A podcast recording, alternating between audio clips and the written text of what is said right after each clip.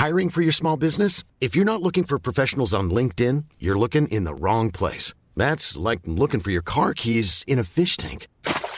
LinkedIn helps you hire professionals you can't find anywhere else, even those who aren't actively searching for a new job but might be open to the perfect role. In a given month, over 70% of LinkedIn users don't even visit other leading job sites. So start looking in the right place. With LinkedIn, you can hire professionals like a professional. Post your free job on linkedin.com slash people today. When you're ready to pop the question, the last thing you want to do is second guess the ring. At BlueNile.com, you can design a one-of-a-kind ring with the ease and convenience of shopping online. Choose your diamond and setting. When you find the one, you'll get it delivered right to your door. Go to Bluenile.com and use promo code LISTEN to get $50 off your purchase of $500 or more. That's code LISTEN at Bluenile.com for $50 off your purchase. Bluenile.com code LISTEN. There's never been a faster or easier way to start your weight loss journey than with PlushCare. PlushCare accepts most insurance plans and gives you online access to board-certified physicians who can prescribe FDA-approved weight loss medications like Wigovi and Zepbound for those who qualify. Take charge of your health and speak with a board-certified physician about a weight loss plan that's right for you. Get started today at plushcare.com slash weight loss. That's plushcare.com slash weight loss. plushcare.com slash weight loss.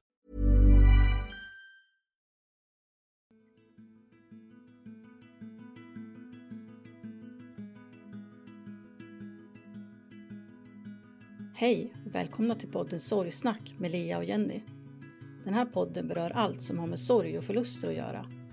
När livet inte blev som vi hade tänkt, när något oväntat händer och hela ens liv vänds upp och ner över en dag, när någon vi håller kär är med om en olycka, när vi själva drabbas av olycka eller sjukdom, när vi är med om det värsta en människa kan vara med om, döden. Och som i vårt fall, när vi tvingas ta farväl av ett av våra barn och såklart många andra förluster som vi människor går igenom under en hel livstid. Vad är sorg och sorgbearbetning egentligen? Vi kommer gästas av kända och okända personer som kommer dela med sig av sina berättelser och som möter sörjande i sin profession. Vi kommer att diskutera hur vi människor reagerar och agerar vid olika förluster och kriser och hur samhället bemöter människor i sorg. Vi vill med den här podden göra så att fler människor ska våga öppna sig och våga prata mer om sorg och de känslor man bär på. Vi hoppas att detta ska hjälpa andra personer i liknande situationer och vi hoppas att du vill hänga med oss genom vår resa. Idag har vi med oss Kristina. I december 2015 kastades hon in i en verklighet som ingen förälder vill vara med om. Hon förlorade då sin älskade dotter Emma i suicid. Idag är Kristina med och utbildar Region Stockholms läkare och vårdpersonal inom psykisk ohälsa och suicid från ett icke-kliniskt perspektiv. Hon är även skapare av Krisrutin Emma, som är en krisrutin för Sveriges kommuner som ska aktiveras för efterlevande vid närståendes suicid. Krisrutinen har hon namngivit efter sin dotter. Kristina är också med i förbundsstyrelsen i riksorganisationen SPES som står för suicidprevention och efterlevandestöd. Där hon arbetar med att förbättra hjälpinsatser och stöd till efterlevande som förlorat en närstående i suicid. Hon driver också Svenska sorgbyrån där hon arbetar med suicidprevention genom utbildningar, krisstöd och föreläsningar. Det går även att anlita Kristina för samtal kring sorgbearbetning och stödsamtal. Hej Kristina! Varmt välkommen till Sorgsnack med Lea och Jenny. Vad trevligt att ha dig här. Hej, tack! Hej hej! Jag tänkte att du kanske vill börja med att berätta Emmas historia för oss. Emma var ju min dotter. Hon eh, dog eh, till följd av suicid när hon var 24 år gammal. Och det här var i december 2015. Före det så, när Emma var 11-12 år, så blev hon sjuk, så här lite diffust alltså hon fick olika symptom och så här som vi inte riktigt kunde eh, greppa och inte riktigt visste vad det var. Så att vi gick till läkare och sådär och försökte få hjälp och, och um, ja, men få veta vad det var som var fel helt enkelt. Vi fick inte veta så mycket, vi fick ingen direkt hjälp heller utan man, man antog att hon var på väg in i puberteten och att hon behövde järntabletter för sin menstruation och man skrev ut p-piller och uh, Eh, man gjorde egentligen alla möjliga saker utom kanske det man egentligen skulle ha gjort, att man skulle ha tagit eh, blodprover och, och titta egentligen över vad var det som var fel. Tyvärr då så, i och med att man skrev ut um, p-piller också, så blev det p-pillerna som reglerade hennes menstruation, vilket gjorde det svårare att upptäcka hennes sjukdom. Hon hade ju då en eh, hormontumör i hypofysen. Och de är ju tack och lov väldigt eh, långsamt växande, så det tog ju många år eh, innan hon blev riktigt dålig. Hon, ja, men hon hade liksom diffusa så här, um, åkommor eller vad ska jag säga, liksom problem och mådde dåligt under ganska lång tid. När hon var då 19 år så bestämde vi oss för att försöka söka hjälp utanför Sverige. Eh, och då tog vi kontakt med en läkargrupp som fanns i England och eh, där tog man de här proverna som man tyvärr då inte tog i Sverige. Eh, och då fick vi en eh, labbrapport i handen där vi kunde påvisa att det här var liksom felet och tog med den till läkaren och visade upp den. Och då insåg man ju att oj, här var det någonting som inte alls stämde. Hon hade ju rejält förhöjda värden och den här tumören hade ju då vuxit i sju, nästan åtta år då. Och i det här laget så hade den utvecklats till att bli en makrotumör. Och eh, hypofysen är ju väldigt liten som det är. Det liksom får inte hända så mycket där utan minsta lilla som blir liksom som inte ska vara där så, så blir det ju fel. Så att det här började ju trycka på hennes synnerv så hon började få synbortfall. Eh, hade yrsel, svimmade väldigt ofta eh, ja, mådde helt enkelt väldigt fysiskt dåligt. Så det var, det var väl liksom det som är upprinnelsen till varför hon ehm, till slut kände att hon inte orkade något mer. Ehm, sen blev hon gravid eh, och hon eh, valde att behålla barnet. Hon hade ett, ett förhållande med, med ehm, eh, en kille som de hade varit tillsammans i sju år.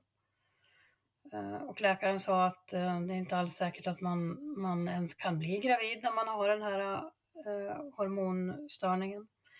Så att hon valde ju då att eh, ändå eh, behålla det här barnet såklart. Även fast hon var väldigt ung när hon då blev mamma. Och sen eh, så ja, då på den tiden, det här var ju 2015 som Emma gick bort och det var ju 2010 som man upptäckte det här och hon började få liksom medicin emot sjukdomen då.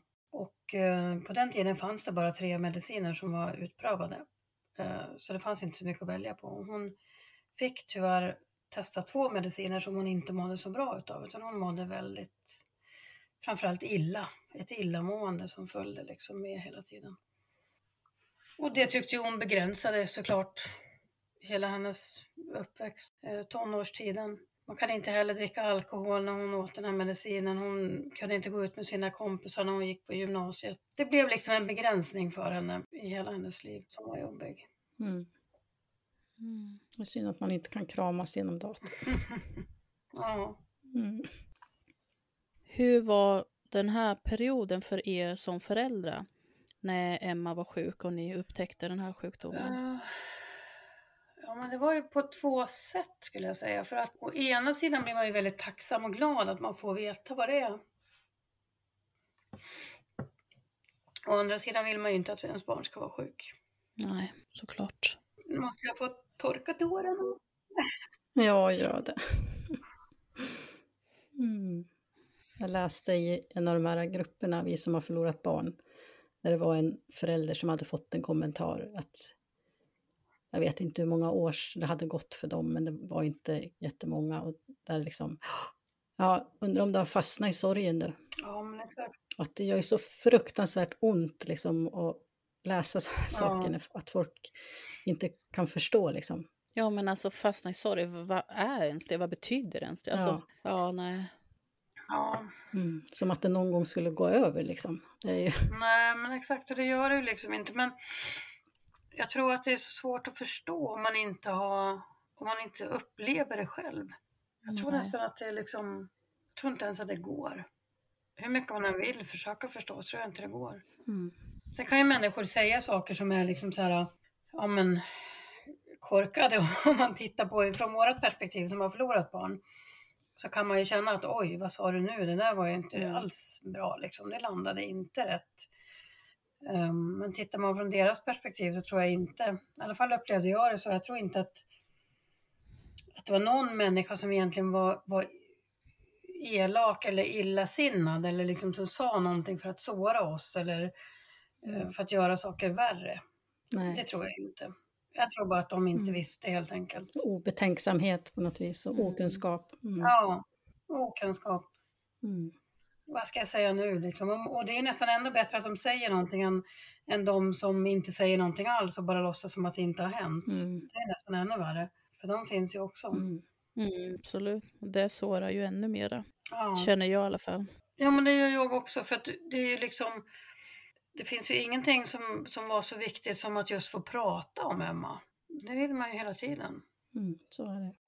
Men tror du Kristina att det har sett an annorlunda ut om Emma har fått hjälp tidigare? Att ni har kommit fram till den här diagnosen tidigare? Absolut. Det är jag helt övertygad om. För att Emma var väldigt glad. Emma var extremt positiv. Eh, hon var väl den i vår familj som var mest levnadsglad skulle jag säga. Ehm, och det var liksom inte bara det här liksom att på ytan eller låtsas vara, utan hon var väldigt genuint glad och positiv som person ända sedan hon var väldigt liten. Ehm, och väldigt sprallig och sådär. Det såg vi liksom avtog ju i och med att hon aldrig fick någon hjälp.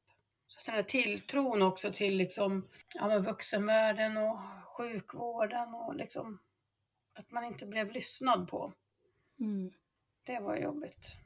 Att man nästan inte blir trodd på något sätt. Ja, mm. exakt. De gjorde en massa saker men inte det de egentligen skulle göra. Och då bad vi ändå att de skulle ta blodprover på henne. Vi trodde ju att hon hade problem med köldkörteln och att det var det då som var. Eh, men då fick vi till svar att de proverna var så dyra att ta så de tog man inte på så unga barn. För det var ingen sjukdom man fick när man var så ung. Emma hade ju väldigt liksom, hon hade väldigt lätt för sig um, Alltså hon var ju smart. Hon hade väldigt lätt för sig i skolan. Så hon hade ju ett, ett väldigt enkelt liv egentligen ända tills hon blev sjuk. Om man säger så att hon, hon eh, så svar på din fråga om hon hade fått hjälp tidigare, om det hade liksom gjort någon skillnad, absolut. Mm. Vad, vad, upplever du har varit mest hjälpsamt för dig i din sorgeprocess? Ja, mycket som har hjälpt mig det är ju liksom att egentligen hjälpa andra och um, att prata mycket. Prata mycket om Emma, om suicid och uh, om liksom vad som kan hända och vad som hände henne. Um, det har hjälpt mig jättemycket. Så jag började ganska tidigt att skriva uh, mycket. Många som förlorar någon i suicid har ungefär samma upplevelse att man behöver lägga ett pussel för att liksom få ihop alla bitar. Eh, och om liksom vad som hände och varför kunde det hända och varför såg vi ingenting och liksom man ville ju kartlägga den senaste tiden i hennes liv också.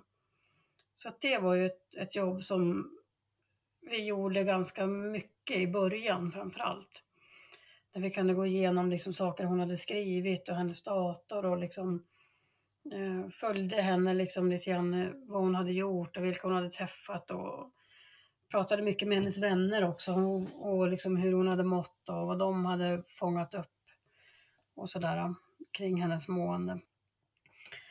Men sen var det ju att skriva och försöka hjälpa andra och det, det är när jag började skriva också som jag kom i kontakt med så väldigt många efterlevande Eh, till personer som har dött i suicid. Och alla sa i princip samma sak, att vi har inte fått någon hjälp. Det fanns inget krisstöd och liksom, det fanns ingen, ingen, um, ja, men ingen hjälp alls att få ifrån samhället överhuvudtaget. Uh, och vi var ju helt oförberedda för vi har ju inte haft någon erfarenhet av psykisk ohälsa på det sättet eller uh, de här många har ju tyvärr levt liksom i både relationer och, och med sina barn och de har haft problem i, i väldigt många år eh, med psykisk ohälsa och kanske gjort flera suicidförsök och sådär. Eh, det hade ju inte vi, så vi var ju helt oförberedda. Vilket i och för sig jag tror att alla är, även om man har eh, kanske levt med, med någon som har mått dåligt under många år. Men, Men vi hade i alla fall ingen erfarenhet och från ett utanför perspektiv så hade jag nog trott att om det här händer, då finns det samhällsinsatser. Då kommer det ett kristeam till familjen och som hjälper till och stöttar upp och tar hand om och liksom. Eh, men det fanns det ju inte och det finns det inte fortfarande. Eh, så att eh, det blev ju också en sån där sak som jag kände att efter de första åren när jag liksom ändå började liksom komma tillbaka själv och blev lite starkare. Att jag kände att det var någonting som, som jag var tvungen att liksom jobba med och försöka få till. Så att uh, inte fler skulle behöva uppleva samma sak som, som vi då. Uh, för man är ju extremt sårbar när man har, har förlorat en nära anhörig i suicid. Men hur såg det ut för er i verkligheten? Vad var det för stöd ni fick direkt efter när det hände? Ja, vi fick inget stöd alls. Det, det är så det är. Um, polisen var fantastisk. De gjorde liksom allt det de kunde, men de har ju inte möjlighet att stanna kvar liksom, och ta hand om familjen och det är inte, ens, det är inte heller deras uppgift att göra det. Uh, så det de kan erbjuda det är ju jourhavande präst. Men uh, vi valde vi tackade ja till det och det kom en präst hem till oss. Men det är ju inte alla som är, um, är troende eller har den relationen till kyrkan som man känner att det är till någon mm. hjälp eller uh, att det är någonting mm. som jag vill. Och då får man ju absolut ingenting.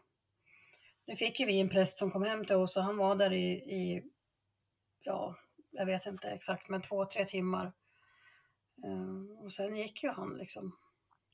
Han kunde inte heller göra så mycket mer än att sitta där med oss i några timmar och sen lämnade han ett visitkort på vårt köksbord och så sa han att hör av er om, om, om ni behöver mera hjälp och så skrev han ett nummer till våran församling eh, på sitt visitkort. Då. Och sen så gick han och så stängde han dörren och sen var det tyst. Sen får man klara mm. sig själv. Och det är ju så svårt just det här att, att lyfta telefonen och ringa någon också och säga hej, alltså jag behöver hjälp, det här har hänt. Det, det går ju nästan inte att, att liksom sätta de här orden i sin egen mun. Och då, och då, står man ju där om man inte, om inte någon kommer till en eller hör av sig till en. Ja, men exakt, och det har du helt rätt i, för det är ju det, är det också som man ser att, att en person som är i djup sorg, där, där um, behöver man ju någon som är mera uppsökande. Som tar kontakten med uh, den personen eller familjen som är i sorg och kris. Man vet ju inte ens själv vad det är man behöver. Alltså man är ju i ett sånt tillstånd så man, man alltså bara att andas är ju liksom en, en bedrift och jättejobbigt. Sen ska man klara av allt annat liksom och i vårat fall så hade vi också eh, minderåriga barn i familjen och liksom syskon och sådär. Och, och de ska ju också liksom på något vis tas om hand i det här. Um, och de ser att föräldrarna är helt satt ur spel liksom. Och de kan inte hantera sin egen sorg och föräldrarna kan inte hantera sin sorg. Men har ni fått något hjälp, någon hjälp utifrån från vänner och familj så där, runt omkring er? Ja, eh, tack och lov så hade vi ett bra skyddsnät så vi um, fick, vi hade ju vänner och familj som kom hem till oss och som ja, men flyttade in till oss egentligen och som skjutsade dem, eh, alltså barn till skolan och, och åkte och handlade och lagade mat och städade och liksom såg till att, att det liksom fungerade någorlunda. Men jag tänker ju på alla de som inte har det. Tänk om du är en ensamstående förälder eller du har förlorat din partner och så är du helt själv. Och så händer det här. Mm. Ja, precis. Då ser man ju också att efterlevande är ju en, den största eh, riskgruppen för att själv eh, dö genom suicid. Mm.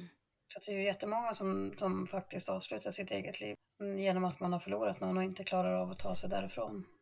Och det, man pratar ju också om att det är en, en komplicerad sorg just med suicid. För det är ju så mycket skuld och skam och stigma och frågor som man kanske inte får svar på. Och många som drar sig undan och som inte ställer frågor och som inte är delaktiga i sorgen för de törs inte eller. Så vi hade ju några vänner som inte alls hörde av sig. som ändå var nära vänner till oss, men som helt enkelt förmodligen inte klarade av själv att kontakta oss. Mm. Ja, det är ganska vanligt tyvärr. Det, ja, det är ju svårt, för det är ju det här att man är ju själv inte det tillståndet att be om hjälp, som sagt, som vi var inne på förut. Och samtidigt så är det ju då som man behöver det som mest, såklart. Um, men eh, jag tänker på, du nämnde att du har två söner också. Fick de någon hjälp från skolan? Nej, ingenting. Utan det blev alltså... När polisen kom och lämnade hennes, för de gick ju igenom hennes telefon och lite sådana där grejer då. Och um, när de kom och lämnade de sakerna till oss och stängde dörren, då var det liksom tyst. Sen var det ingen kontakt.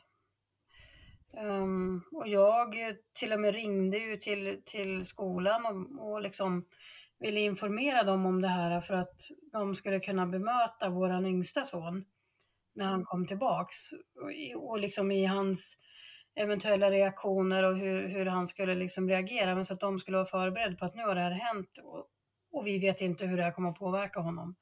Men ni behöver veta det här. Och jag bad då att man skulle också informera hela klassteamet som jobbade med honom. Ehm, och jag ringde också till eh, skolkuratorn då och berättade och ville att han skulle liksom närma sig våran son då för att prata med honom om, ja men, bara så känna om det var någonting som, som var fel eller hur han mådde och sådär. Um, återigen tror jag inte att de var några elaka människor som ville honom eller oss något ont. Men de gjorde absolut ingenting. Um, så att uh, hans idrottslärare ringde till mig och var helt förtvivlad och berättade att han hade betett sig på ett sätt som han aldrig hade gjort förut och att han hade brutit ihop eh, och bara gråtit och ville inte säga vad det var. Och den här läraren visste ju inte vad det var som hade hänt. Han var ju också så här eh, förtvivlad och undrade liksom vad är det som har hänt och varför är han så ledsen och varför säger han ingenting? Eh, så han ringer ju hem till mig och berättar det här. Och då får jag ju berätta för honom vad som har hänt.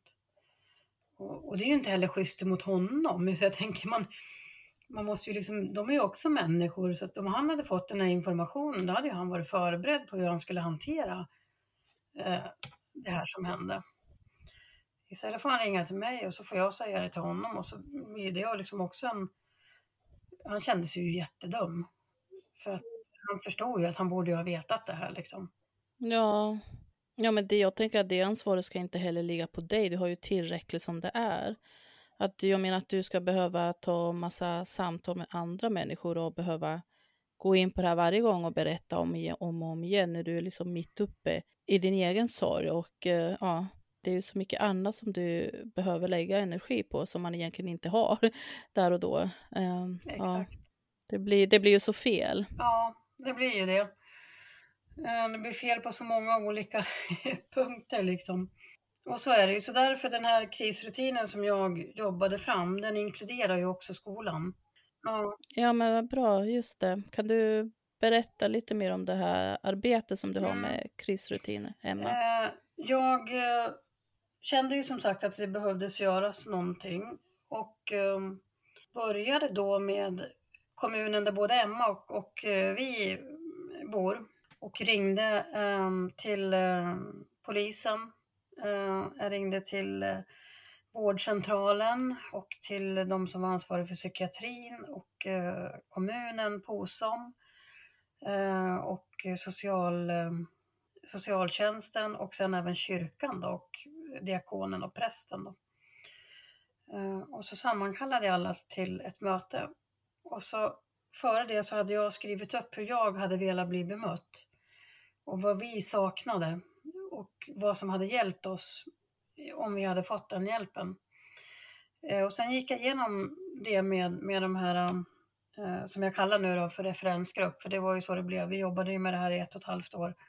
Och där, där ser man ju då att eh, eh, polisen är ju oftast först på plats. Eh, och då tittar man också på vad polisen själva säger att deras arbetsmiljö är ju inte heller eh, Eh, den ultimata, vi, liksom, eh, de är ju också människor, de kommer till, till ett hem där det har skett ett suicid och de ska lämna kanske en, en familj och anhöriga, vuxna och barn i total förlamning och har ingenting att hänvisa till. Eh, och de flesta säger precis som vi, när kommer krisgruppen? När kommer den här hjälpen? Och polisen får bara säga att tyvärr, det kommer ingen. Vi kan erbjuda jourhavande präst eller så får ni ringa vårdcentralen på måndag. Det är liksom det som man har att erbjuda. Och då vet vi ju tyvärr eh, vilka långa köer det är på, på vårdcentraler och att få komma till psykolog. Och, eh, så då får man ju liksom förskjuta det där i flera månader och det är inte säkert att man klarar av att hantera det. Så att eh, där blir det ju då att polisen ska i det här i krisrutin Emma så kontaktar de direkt vårdcentralen eller socialtjänsten om det finns minderåriga barn eller om det är kanske en, en um, familj som har en relation med socialtjänsten. För då finns ju den redan upp, uh, kontakten uppbyggd. Uh, men annars är det ju oftast vårdcentralen då som, som får ta emot och uh, inom två timmar så ska man då kontakta den här familjen och erbjuda sitt stöd och tala om vad som finns. Och då ingår där att eh, kontakta präst eller diakon eller om man har annan trosuppfattning så behöver man ju kanske prata med en imam eller eh, någon annan beroende på vilken trosuppfattning man har. Eh, eller ta kontakt med skolan, förskola, informera eh, lärare, förskollärare vad som har hänt så att de är beredda att kunna ta emot barnen när de kommer. Eh, man kanske behöver sorgstöd, man kanske behöver eh, familjestödjare som kopplas in från socialtjänsten där man jobbar nära familjen eh, under en kanske lång tid. Eh, det kanske finns eh, familjemedlemmar som inte är på plats när det här har hänt. Då bör man ju också söka reda på dem. Så att de inte får höra det på omvägar vad som har hänt utan att man liksom försöker samla liksom familjen på plats. Eh, och um, tyvärr får man ju säga, vill man, ju, man vill ju inte att det här ska hända så att den här behöver aktiveras. Men tyvärr så aktiverades den för inte så länge sedan i en av kommunerna i Stockholm som har implementerat den. Uh, men tack och lov så fanns den där. Mm. Och uh, det vi har gjort när vi har följt upp vad som hände och, och hur det blev när den användes så har man ju sett där att, att det fungerade ju. Så man gjorde ju alla de här stegen och man tog till och med kontakt med skolan och, och förskola och det kom skolsköterska och skolkurator som direkt åkte hem till, till familjen och fanns där på plats. Eh, och sen så fick man då eh, kvarvarande familjemedlemmar fick eh, eh, psykologkontakt inom tre timmar. Så fick man en egen kontakt. Ja. Mm, fantastiskt. Ja, så fint ändå. Så det, mm. det, går ju, det fungerar ju. Problemet är ju ofta att det inte finns den här kedjan. Det finns ingen länk mellan de här delarna. Så att vårdcentralen sa ju det att ja, vi får ju oftast inte veta att det har inträffat ett suicid i kommunen förrän kanske personen kommer till oss och berättar det, då får vi veta det. Och socialtjänsten får kanske aldrig mm. veta det. Jag, jag tänker lite grann på, på Felix olycka, då var vi ju det var ju fyra pojkar och fyra familjer som blev drabbade i det här och, och ingen av oss fyra familjer blev ju heller uppfångade på något sätt. Nej. Så jag tänker att, att eh, men är det liksom som det ser ut nu så är det här för personer som, alltså anhöriga till personer som dör i suicid. Men jag tänker att det kanske också finns ett behov i sådana fall som, ja, som i mitt fall med olyckor. Ja, det. det är inga tankar som ni har haft så kring det här krisstöd Emma? Att utöka det liksom? Ja, eh, jo, vi har pratat om det också. Vi var ju, ett tag så, så pratade vi om krisstöd generellt, alltså oavsett plötsligt dödsfall pratade vi om då. Att eh, um, olycka som du säger där, eller någon som kanske en förälder eller någon som har dött i en hjärtinfarkt och dog väldigt hastigt eller men sen så kände vi att vi var tvungna att begränsa det lite grann så att vi fick liksom någonting som vi ser att det här är hållbart. Eh, men absolut, det är när jag pratar med, med andra kommuner och det när de eh, vill veta mer och vi ska jobba med att implementera det. så är det ju precis att alla kommuner måste ju anpassa det utifrån sin kommun. Och de kan ju då eh, anpassa det så att det är ett krisstöd som är mer generellt.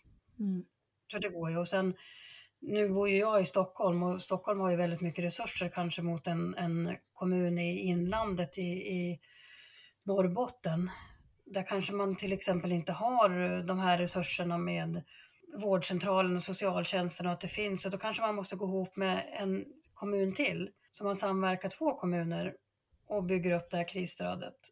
Så att eh, jag tänker så här att, att man ska använda det som en mall och som en grund att stå på. Och sen så bör varje kommun utveckla det utifrån sina resurser och sin befolkningsmängd. Och, eh, vissa kommuner som jag pratar med är väldigt hårt drabbade av just suicid. Så att, eh, då kanske det blir mera. Men grundtanken som jag hade, det var ju POSOM är ju, är ju kris, eh, kommunernas krisverktyg och krisgrupp. Om det till exempel händer en bussolycka och många förolyckas så kopplar man ju på POSOM. Och då öppnar man ju upp fritidsgårdar och kyrkor och vårdcentraler och liksom man ser till att de här personerna som är, är drabbade får, får omedelbar hjälp. Jag tänker mig att krisrutin Emma är, är ju POSOM Mini. Det är liksom en miniatyr av, av POSOM men den ska ju aktiveras precis som om det är en stor händelse. För händelsen för själva familjen som drabbas är ju inte mindre för att det är en person som har, som har förolyckats i en olycka eller i ett suicid eller, eller om jag har en hel klass där det är många barn som har dött och det finns många familjer som är drabbade. Men sorgen är ju densamma. Den kanske till och med är större tänker jag om man är ensam för då är man en isolerad ö. Man har liksom ingen att prata med. Mm. Nej, känner man sig Mm. ännu mer ensam ju. Framförallt om man inte får hjälp från samhället.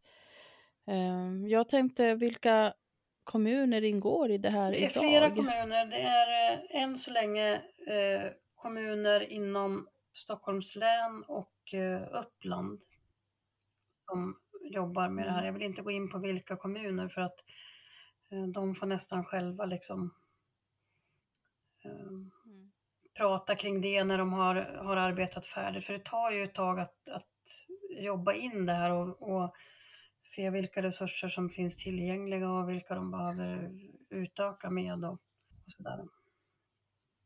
Mm. Om vi tänker, vad är ditt mål? Alltså hur långt skulle du vilja se att det här utvecklas? Mitt mål är ju att alla 290 kommuner i Sverige ska ha en, en fungerande krisrutin. Ehm, och jag tycker, om jag ska vara helt ärlig, tycker jag det är helt förskräckligt att det är liksom 2022 och vi inte kommit längre än så här. Mm. Och att man när man hamnar i kris, att det är då man ska upptäcka och förstå hur illa ställt det faktiskt är. Ja, jag vet ju att jag hade ju också den föreställningen att, att vi skulle få hjälp. Så jag låg ju liksom i min soffa och bara väntade på att någon skulle höra av sig till mig. Men den där hjälpen kom ju aldrig den heller. Så att, Nej, ni Ja. fick inte heller någon hjälp. nej, Ingenting alls. nej, tills, nej, det var de, eh, polisen kom ju hem till oss då och berättade att Felix hade omkommit i en bilolycka. Och eh, då hade de inte ens en präst med sig. Men de sa att vi kan ringa och ta hit en, en jourhavande präst, för det finns en präst i Gävle. Och det ligger ju 16 mil därifrån jag bor då. Eh, Så att ja, jag kände att jag vill åka upp till Felix nu, till Sundsvall, till sjukhuset. Jag vill inte sitta här och vänta på någon präst. Nej. Och sen, sen så ringde faktiskt vår, alltså prästen i Delsbo församling då, som Felix tillhörde, han ringde mig dagen efter. Men då var det mer så här att han informerade om att de hade öppnat upp kyrkan och att de hade lagt fram en bok och att det var mycket ungdomar som var där. Så han erbjöd ju inte något samtal eller något sånt.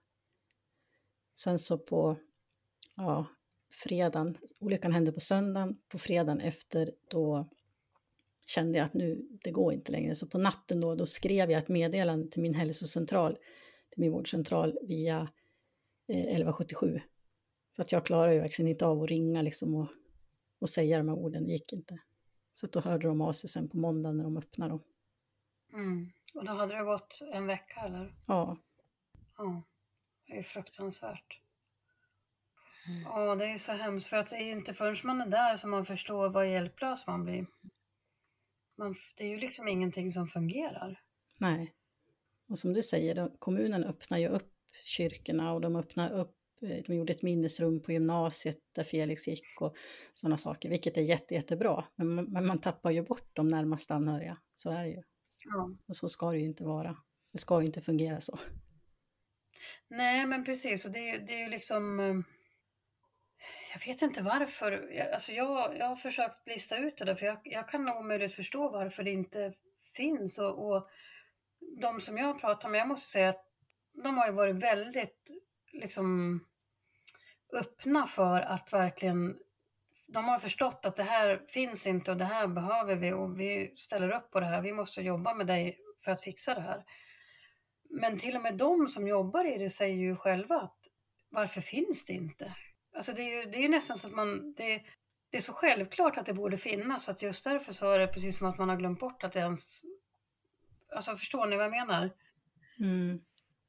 Ja, jag tycker det är fruktansvärt och precis som jag sa tidigare så om man tänker just på, på suicid och det är säkert även, jag tänker för dig Jenny som, och även för dig Lia, ni förlorar liksom era barn också hastigt fast på olika sätt. Men man Mm. behöver ju egentligen samma stöd och hjälp som om man förlorar någon vid suicid. Det är bara att det blir andra frågeställningar. Du Lia visste Mm. att din son Alexis var sjuk. Ja, men då fick du ju svaret på det. Men man har ju andra frågeställningar. Ja, men Och din precis. son dör i en olycka. Ja, det är också väldigt tydligt att det var ju ingenting som han kunde påverka. Det var en olyckshändelse, men du har ju säkert ändå dina frågor.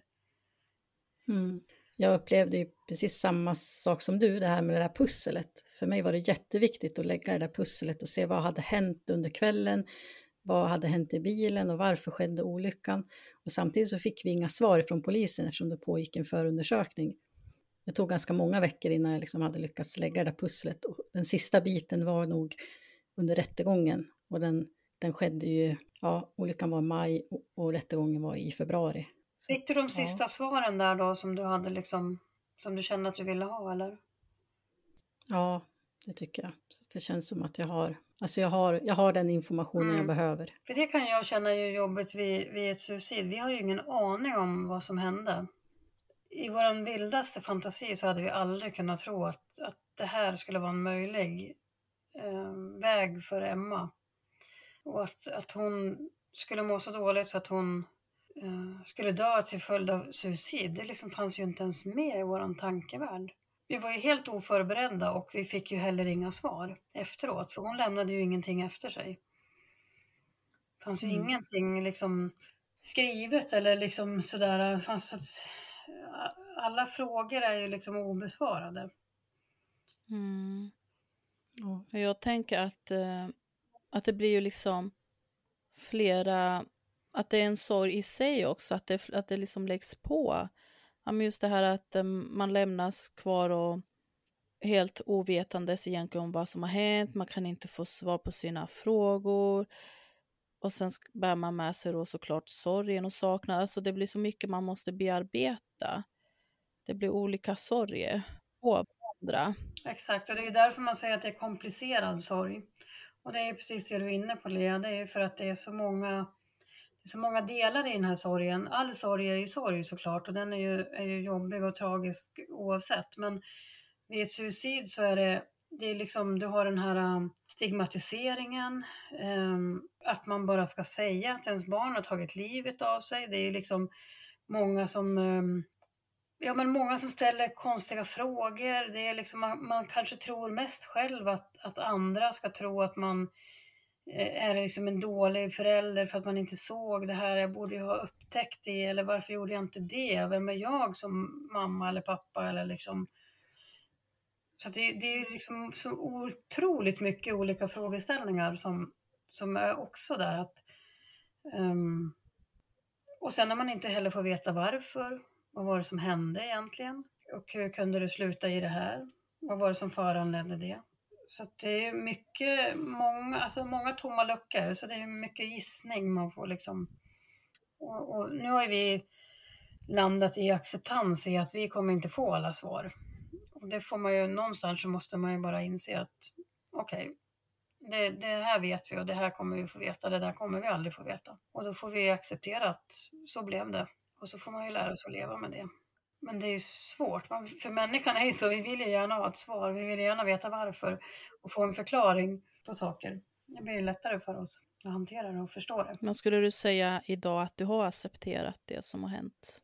Um, ja, alltså det har jag ju. Uh, det måste jag ju på något vis göra känner jag. För, för min egen skull och för, för att liksom orka leva vidare och, och även vara en bra mamma för de barn som finns kvar. Uh, så det har jag gjort. Jag har, om jag förstår det? Nej, det gör jag inte. Det kommer jag nog aldrig att göra. Men jag har ju landat i acceptansen att det var det här som hände. Jag kan inte påverka det och jag kommer inte få några mera svar. Och hon är ju död, så är det ju.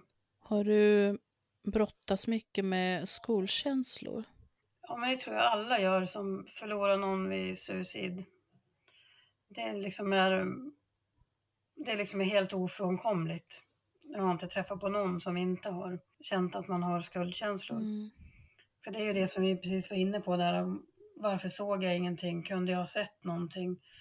Eh, jag kan ju säga att med den kunskap som jag har idag, jag brukar säga att jag har en ofrivillig kompetens numera. Hade jag haft den då, då hade jag kanske agerat på ett annat sätt i vissa saker. Men eftersom jag inte hade den kunskapen så kan jag ju inte klandra mig själv för att jag inte gjorde någonting som jag inte visste att jag skulle göra. Det är ju liksom omöjligt. Nej men precis. För du, inte, du gjorde då ingenting liksom medvetet eller med flit för att på något sätt ja, bidra till det, ja. självklart. Alltså, ja, som du säger, det fanns ju ingenting du hade kunnat gjort annorlunda, men jag förstår också de känslorna och tankar. Det hade ju liksom till och med jag i mitt fall, fast det rörde sig om att Alexis var född med ett hjärtfel, så kunde jag fortfarande lägga skuld på mig själv. Uh, ja, ganska mycket i början. På, på vilket sätt då gjorde du det? Jag tänkte ju, jag resonerade så här att det var ju jag som bar honom. Han låg ju i min mage och där skulle han ju vara trygg och ja, i en trygg miljö och växa, växa sig stark och, och sen komma ut i livet och ja, men att jag, att min kropp liksom svek mig på det sättet att jag kunde inte leverera ett friskt barn. Um, ja. Att det måste ha hänt någonting såklart någonstans har det ju skett någonting, men eh, att jag la det på mig, att på grund av att jag har den sjukdomen jag har, eh, hypofystumör, precis som Emma hade. Mm. Mm. Eh, för att det kan ju påverka, som du själv var inne på, man kanske inte kan bli med barn och jag hade ju väldigt svårt. Så när Alexis blev till så var vi ju jätteöverlyckliga att det faktiskt funkade. Eh, och så blev det att när vi väl fick reda på att han var sjuk, då blev det ju såklart, ja men det är ju för att jag har ätit medicin i så många år, eller på grund av det här och det här. Ja, ja och då började jag såklart klandra mig själv. Um, men det var ju också lite så här, det var ju ingenting jag pratade med någon egentligen, eller sa det till någon utåt så, utan det behöll jag väldigt mycket för mig själv, just de här skuldkänslorna. Mm. Och det är därför jag kan tänka mig, framförallt i en sån situation, eh, där ni hamnade i med Emma, att det måste också vara ännu mer påtagligt, ja, men just det här med skuldkänslor. Sen är det alltid så lätt att ta till det här med tänk om, eller om jag hade gjort så här, eller inte gjort det här. ja, men det är så lätt ibland att fastna i de tankarna såklart. Mm. Och sen som vi var inne på lite att, ja, vi fick ju reda på ganska sent i graviditeten att han hade ett hjärtfel och det var inte helt hundra att han skulle klara sig, men samtidigt så är man, man kan ju aldrig förbereda sig då på att förlora någon och framförallt inte sitt, sitt barn. Det spelar ingen roll om man vet att man har ett sjukt barn Nej. för att man, man, kan inte vidröra de tankarna förrän man är där. Så det, det, det, finns ju inte, för man lever ju verkligen på, på hoppet och hoppet är det sista som lämnar en.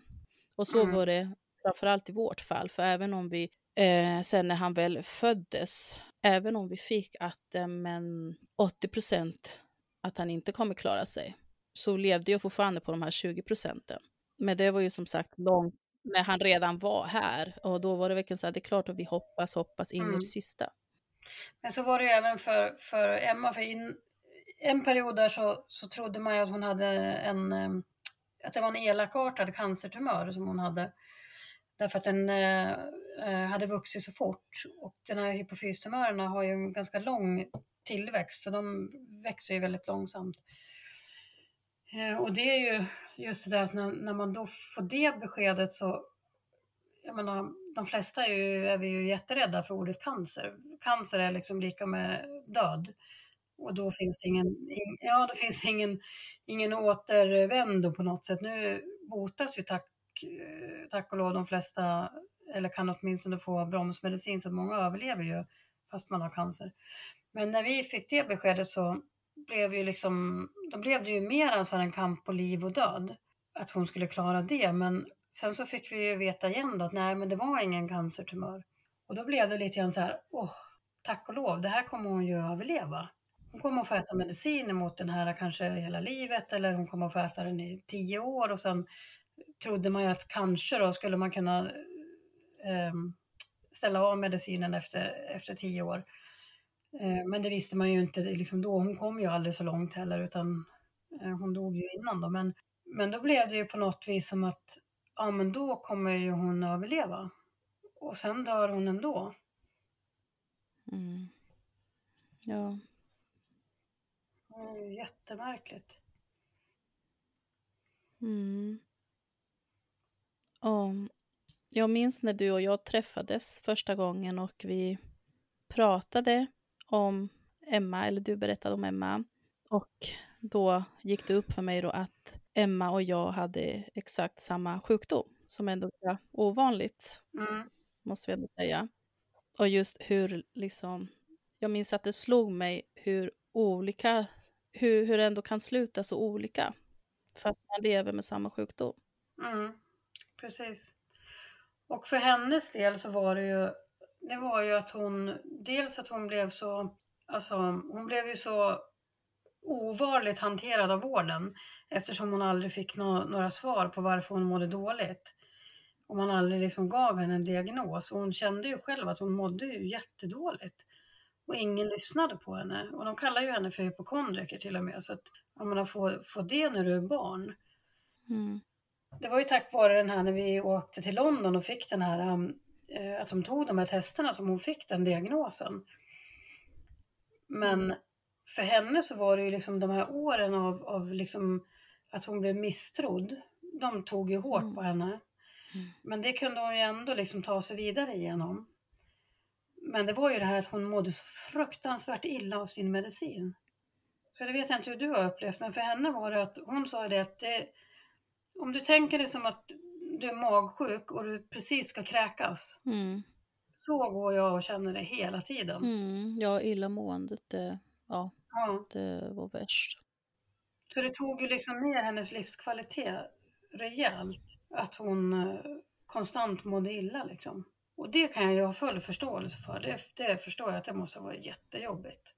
Eh, och hon provade ju som sagt två mediciner och då fanns det tre men, men eh, hon mådde lika dåligt av båda två. Jag tror det var det till slut som gjorde att hon bara kände att nej, jag orkar inte det här. Mm.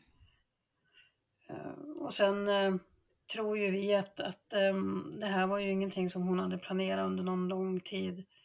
Hon, hade ju, hon skulle ju ha fest med sina tjejkompisar på eh, lördagen och hon dog på måndagen.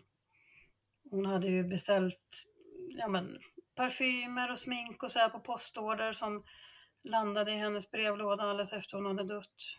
Och det var ju också ett tecken på att hon, jag menar det beställer du ju inte om du vet att du ska eh, ta ditt liv om några dagar, då beställer du ju inga, inga produkter liksom.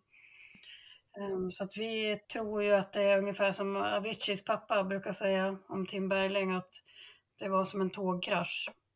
Uh, Så upplever väl vi det också med Emma, att det måste ha hänt någonting som där och då bara small till.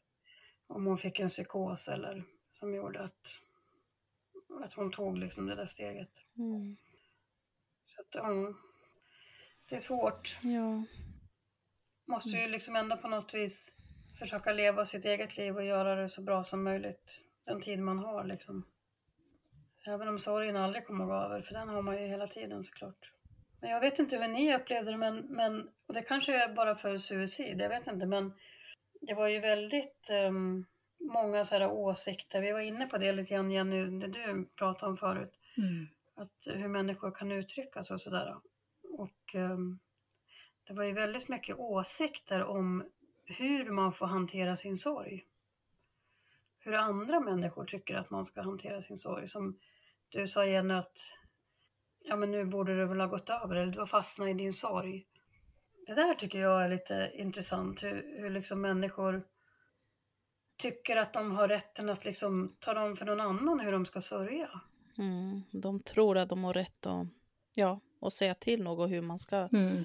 vara, vad man ska göra och inte göra, vad som är rätt eller fel. Mm. Mm. Men det är ju verkligen så, det finns inget rätt eller fel i sorg, utan det är, man får sörja precis hur man vill och det ska vara och är liksom helt okej. Det är ju ingen annan som har rätt att säga till dig vad du ska göra eller inte göra, eller hur du ska känna eller inte känna. Men så ser ju inte alltid verkligheten ut tyvärr, för det är klart att man ju fått höra det ena och det andra. Eh, och, och jag har ju träffat många människor som har just tagit upp det här just med olika olämpliga kommentarer och och eh, från ja, folk i ens närhet, omgivningen som har liksom eh, ett sätt att se det på det hela. Eh, och som gärna delar med sig av sina åsikter fast man kanske inte har bett om dem många gånger. Ehm, men man slåss verkligen av att den här att hur ibland, alltså det blir verkligen så här, hur kan man ens uttrycka det här? Om man ändå tycker det, men behåll det för dig själv för att du borde ju förstå att det är inte till någon hjälp utan du bara sårar någon annan. Eh, att man gör det bara värre genom att säga eh, sådana saker, utan då i, det fallet är det liksom bättre att bara, men behåll det bara för dig själv. Om du inte har någonting snällt att säga, så säg ingenting, som man brukar säga. Ja. Nej, men jag är lite så här förundrad över varför, varför gör man det? Alltså är det för att de tror att de hjälper den personen som är i sorg eller är de, är de själva så rädda för den här sorgen så de försöker liksom jag menar att det är läskigt för dem att, att ha den här vännen eller nära anhöriga som är i en sån här djup sorg, så det oroar dem. Och det blir liksom olustigt, så de måste försöka liksom få tillbaks personen så som man var innan, eller?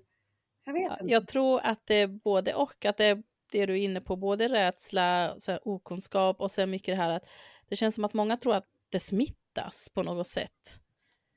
Att om jag pratar med dig som har förlorat ett barn så kommer det också hända mig och då vill inte jag liksom, det är för läskigt, jag, inte, jag vill inte ens liksom tänka tanken. För det kan hända, uppenbarligen så kan det hända och jag vill inte vara en av dem som drabbas, såklart. Så jag tror att det, ja, det är nog en blandning av allt det där. Mm. Ja, Jag tänker också så att, ja, men, att det, det är deras egna känslor som de är rädda för. Lite grann. Att, de, att det blir jobbigt ja, för dem själva på något vis. Att man inte vill, man skjuter Mm. ifrån sig. Och att det är jobbigt att lyssna på för att, för att det väcker någonting i dem själva. Mm. Och det är lite lustigt, man tänker också på, på signalerna från, från samhället då. Man, eh, finns ju sådana här skräckexempel då personer får vara sjukskriven i två veckor eller tre veckor eller en månad och sen ska de gå tillbaka och jobba för att man kan ju ändå inte göra någonting för den personen som de sörjer är ju redan död liksom. Så det finns ingen grund för sjukskrivning. Det är också så här, eh, jag var ju tyvärr tvärtom då så att för mig så vart det liksom semester när jag gick och jobbade. för då så ockuperade jag tankarna med någonting annat så att det vart liksom en paus ifrån sorgen. Så jag gick ju ganska snabbt tillbaks och jobbade, men det finns ju människor som inte klarar av det, vi är ju olika. Utan som behöver mera tid att få liksom läka och liksom och det är också en sån här sak som jag tycker är att det är sån brist på förståelse och kunskap inom, inom vården. Alltså det är lite förlåtande att vi medmänniskor kanske inte kan så mycket om det för att jag tror ingen av oss heller kunde så mycket om sorg innan vi drabbas av det. Så det är mer förlåtande, men de inom vården borde ju liksom utbildas i det här. Jag, jag fick ju träffa en läkare på vårdcentralen och det var ju åtta dagar efter olyckan. Och då säger han till mig så här, ja, eh, jag sjukskriver dig i tre veckor för det är liksom det normala som det brukar vara. Okej, tänker jag. Ja. Eh, Men vad ska jag skriva för någonting då? Varför kan du inte jobba? Säger han. Ja. Och att han liksom, Och då skulle du svara på den frågan dessutom. Ja, han la ju över det ansvaret på mig då, att jag skulle liksom berätta för honom varför jag inte kunde jobba. När jag har förlorat mitt barn för åtta dagar sedan. Ja. Det är ju också som att han lägger någon slags skuld på dig och sen är väl den här att du ska känna att ja men har jag rätt att sörja, har jag rätt att känna så här, då börjar du tänka, ja men vad, vadå, är det här är det här inte Onormalt. ett grund? Ja precis, men är det onormalt, onaturligt? Är det inte det här grund för att liksom känna som jag känner, och må som jag mår? Eh, det, det är helt liksom orimligt. Ja, och dessutom när han öppnar med att säga att det är brukligt med tre veckor. Då Mm. talar han ju om för dig att normen är tre veckor. Så att Mm. Allting som avviker från den normen, det gör att du är annorlunda. Och då ska du liksom ha den skammen då, att du inte orkar gå tillbaka och jobba för tre veckor. Oj, vad du är misslyckad. Det är ju fruktansvärt. Ja, herregud. Mm. Alltså jag, var ju, jag var ju också helt inställd på att jag skulle gå tillbaka till jobbet. Jag, hade, jag var sjukskriven de där veckorna och sen så hade jag semester. Och sen tänkte jag, men då börjar jag jobba efter semestern. Men jag klarar inte av det, det gick liksom inte. Så, att, så fick jag väl lite stöd av människor runt omkring mig också och från jobbet. Så att, nej men var hemma den tid du behöver. Mm. Så, att, så att totalt var jag hemma i, i 11 veckor. Mm. Vilket inte heller kanske är mycket i det här sammanhanget. Nej, verkligen inte. Man tänker att man ska sörja liksom ett, inte bara liksom förlusten och åren som den här personen har funnits med, utan man ska ju dessutom sörja hela framtiden som man inte har längre. Som man går miste om. Men precis. Mm. Man förlorar ju hela sin framtid egentligen. Ja, med det här barnet i alla fall. Alltså den gemensamma framtiden som man... Alla, alla minnen, alla planer. För vi, Emma och jag hade ju jättemycket planer som vi, saker vi skulle göra och liksom vi skulle resa till London och vi skulle liksom... Ja men allt sånt där bara försvann ju. Och det ska ju också hanteras. Så det är ju liksom hela framtiden som försvinner. Så det finns ju, finns ju väldigt mycket att önska kan jag känna och just det där att man inom till exempel om man tänker journalistlinjen fortfarande så, så blir man uppmanad att man inte ska skriva att det är ett suicid om det är ett dödsfall där någon har, har dött i, i självmord så ska man fortfarande inte skriva det. Och det är det man får lära sig på utbildningen. Och då tänker jag så här, okej, okej, de har ju ett jättestort ansvar att liksom plocka ner det här stigmat. Och, och det är ju, för det hänger kvar en, en, en tes om att om man pratar om det då, lite grann som du sa, Lea, att sorg smittar. Men här Mm. att om man skriver att det är ett självmord, då kan andra också få för sig att de ska ta livet av sig. Så man tror att det blir en epidemi liksom. Bara för att jag får veta att någon har tagit sitt liv, då kommer det springa tio stycken till och göra det för att de läste just den där artikeln. Nej, det funkar ju inte riktigt så. Så det behövs ju liksom utbildning, tror jag, på bred front. Både inom skola och vård. Och, ja. Men det är ju också så att, att när, det, när samhället brister, då blir det ju sådana här um, eh, ideella föreningar och volontärer och, och liksom, det blir människor som skapar sånt som man ser att här finns det ett hål att fylla. Så är det ju. Så det är väl någonting positivt ändå. Det finns en liksom kraft åt människor att, att vilja liksom hjälpa andra och förbättra. Mm. Och apropå det här med ideella organisationer, du är ju engagerad i SPES. Mm. Skulle du kunna berätta lite om det, vad du gör där? Mm. SPES är ju en eh, fantastisk organisation som jobbar, eh, det står ju för suicidprevention och efterlevandestöd. Så där jobbar man ju med stöd till efterlevande, så man har samtalsgrupper och man har telefonlinjer och man har chatt. Eh, och eh, volontärer som i många fall är, är de som åker ut till de här familjerna som eh, har förlorat någon i suicid. Så istället för att det är någon som åker ifrån vården eller det här kristeamet som alla frågar efter så är det eh, frivilliga krafter som åker ut och tar hand om, om efterlevande. Och det är mycket till SPES man ringer. Även ifrån eh, polisen hänvisar ju till SPES. Eh, för att det finns ju ingen annanstans att hänvisa till. Så att det är ju en, en fantastisk organisation och som, som verkligen ger stöd och som hjälper, liksom, hjälper andra som är i kris. Och alla som är engagerade i SPES har ju en, en bakgrund med att man själv har eh, förlorat någon i suicid. Då. Så den är ju rikstäckande. Den finns över hela, hela landet. Mm. Och där kan man bli medlem om man vill, så får man medlemstidningen och där eh, finns det ju mycket så här eh, råd och tips och mycket artiklar om andra personer som har råkat ut för samma sak. Och, för det kände jag när, när eh, vi förlorade Emma, att det var jätteviktigt för mig att få sätta mig själv och min upplevelse i relation till andra. Att det fanns andra som hade varit med om samma sak. För att jag kände mig väldigt, väldigt ensam. Och hade oerhört svårt att bara liksom säga att hon var död.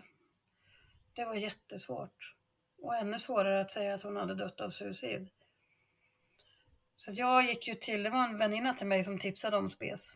Och då eh, gick jag på en eh, samtalsträff där.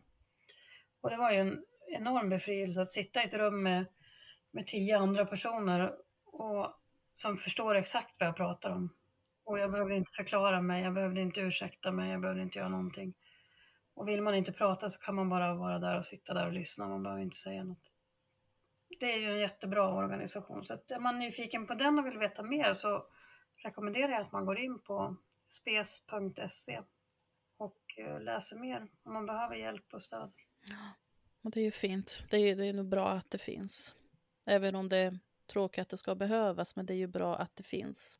Ja, men det är ju oerhört viktigt. Sen har jag ju ett företag som jag jobbar i själv som, där jag precis som eh, dig Lea och jag tror även du Jenny har gått sorgbearbetningsutbildning, eller hur? Ja, precis. Där jobbar jag ju med suicidprevention och sorgbearbetning, då, föreläsningar och sådär.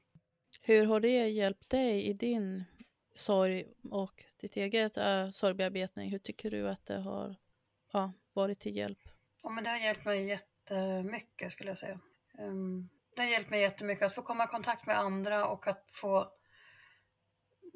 den liksom ofrivilliga kunskap som man ändå har fått, att man ändå kan få dela den med andra och, och jag vet ju vad jag saknar, jag vet att det är flera med mig som saknar exakt samma sak. Vi är inte så himla olika varandra. Och att jag ändå kan liksom lindra fallet för, för någon annan. Det är jätteviktigt. Det läker ju även mig liksom. Hur länge har du jobbat med det? Eh, Sen 2019 Mm. har jag på mig. Så jag har ett företag som heter Svenska Sorgbyrån som man kan gå in och titta på om man vill. Jag tänker att vi kan lägga de här länkarna i beskrivningen till det här avsnittet också så att folk kommer åt det lätt. Ja, just det. Mm. Precis, men, eh, men, det, men man är ju olika. Det är ju, en del engagerar sig och andra stänger ju liksom in sig helt. Jag vet inte hur ni har upplevt, men de ni har träffat som... Ja, men precis. Det brukar ju vara så antingen eller. Mm. Men hur, hur har din omgivning då reagerat på det, att du just har valt att engagera dig så mycket i de här frågorna? olika skulle jag säga och kanske inte, inte helt, eh, helt så som man eh, tror. En del eh, har ju inte alls tyckt om att jag pratar öppet om att, om att Emma tog sitt liv. Eh, eller att man pratar öppet om suicid överhuvudtaget eller att man pratar och skriver om sin sorg. För det är någonting som är väldigt privat och det ska man hålla för sig själv och det ska man inte hålla på att dela och involvera andra och man ska liksom inte släppa in andra i sitt liv och, och liksom låta folk veta för mycket och sådär. Så det, det har ju faktiskt hänt. Att det är många som har haft den reaktionen. Men, men de är ändå få mot, mot de som har eh, varit tvärtom, där de har tyckt att det var bra att du liksom delar den här erfarenheten så att det kan hjälpa någon annan. Men de finns ju och när man är mitt uppe i det, för mig var det helt, det var helt ofattbart för mig hur någon kunde kritisera mig för att jag pratade om, om sorgen efter mitt barn. Jättemärkligt. Man kan ju tycka olika, men man bara, då är ju som du sa där tidigare Lea, då kan man ju vara tyst i alla fall. Man behöver inte säga någonting. Det är ju ingen annan som har rätt. Det är du själv som äger din sorg. Mm. Men eh, överlag tycker jag väl att de flesta har varit ändå varit väldigt så här, förstående och omtänksamma, ska jag säga. Men sen sörjer man ju olika. Det är också inom en familj så sörjer man ju olika. Man har ju liksom, vi är ju olika individer. Och man har olika relation till den personen som försvann. Så att familjedynamiken kan ju ofta förändras. Mm. Det blir liksom ett tomrum där den här personen fanns. Vem ska ta, vem ska säga alla de här skämten nu som ingen säger längre och vem ska liksom ta den platsen och den rollen i familjen? Och... Jag känner igen det där jättemycket, för Felix hade också den där humorn, den där klipska humorn. Och, ja, ja, ofta så skickar vi, vi skickar väldigt mycket snappar och, på sms och så om vi hittar någon rolig bild så, ja, så att i början så, så fort jag hittar någon sån där så bara, den här ska jag skicka till Felix. Mm. Nej, just det ja. Nej. Ja. ja. jag känner verkligen igen det där. Och att det, så känner jag också jättemycket, liksom, vem, vem tar den platsen? Vem, är, vem ska vara, ha hans roll? Ja, exakt. Och det kan vara ganska svårt. För att det blir mm. ju liksom ett, det blir ju ett, ett tomrum som blir helt, ja det fortsätter bara är tomt liksom. Och det gör ju också att saknaden blir ju kanske ännu större ibland liksom just för att, som du säger, när du tänkte skicka den där bilden, nej det gick ju inte. Man kommer på sig själv liksom. Mm. Jo, jag tänkte du har ju varit med och tagit fram en utbildningsfilm. Kan du berätta lite vad det handlar om och vad, vad det är för syfte? Eh, jag har blivit tillfrågad av Region Stockholm att vara delaktig i en, en utbildningsfilm uh, för uh, läkare och vårdpersonal kring suicid och psykisk ohälsa. och jag blev tillfrågad att vara delaktig ifrån ehm, ett anhörigperspektiv och från mer en, en icke-klinisk eh, del då. Sen är det ju mm, Anna-Karin Nyberg till exempel och flera andra sakkunniga inom eh, läkarkåren och det som, och forskare och sådär som också är med. Men där har jag varit med och, och eh, pratat egentligen utifrån anhörigperspektivet, hur, hur vi såg på vården och vad vi hade behövt för hjälp och stöd och eh, vad som saknades egentligen. Och även i, i kontakten med Emma då, den här långa processen som hon hade med vården som där man faktiskt inte var lyhörd och lyssnade för att man hela tiden sa att hon var för ung. Och man avskrev en massa olika sjukdomar på grund av hennes ålder också och tog helt enkelt inte de prover man skulle göra. Så det har jag varit med eh, och spelat in. Det är ju ingenting som kommer att visas för någon annan än för just liksom, mm. vårdpersonalen då, i deras utbildningssyfte. Då.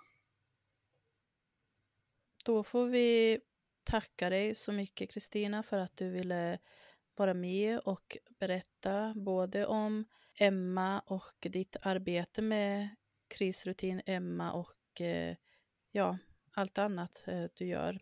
Ditt engagemang i SPES och eh, föreläsningar och med sorgbearbetning. Vi är jättetacksamma att du ville gästa oss och dela med dig av dina erfarenheter och tankar.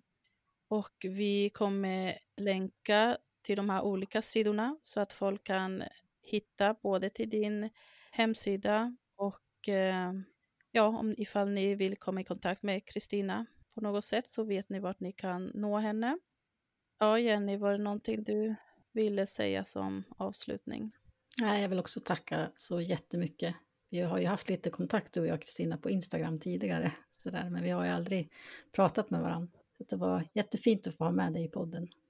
Mm. Tack så jättemycket. Tack så mycket själva för att ni lät mig vara med. Tack ska du ha. Hej då. Hej då. Hej, hej.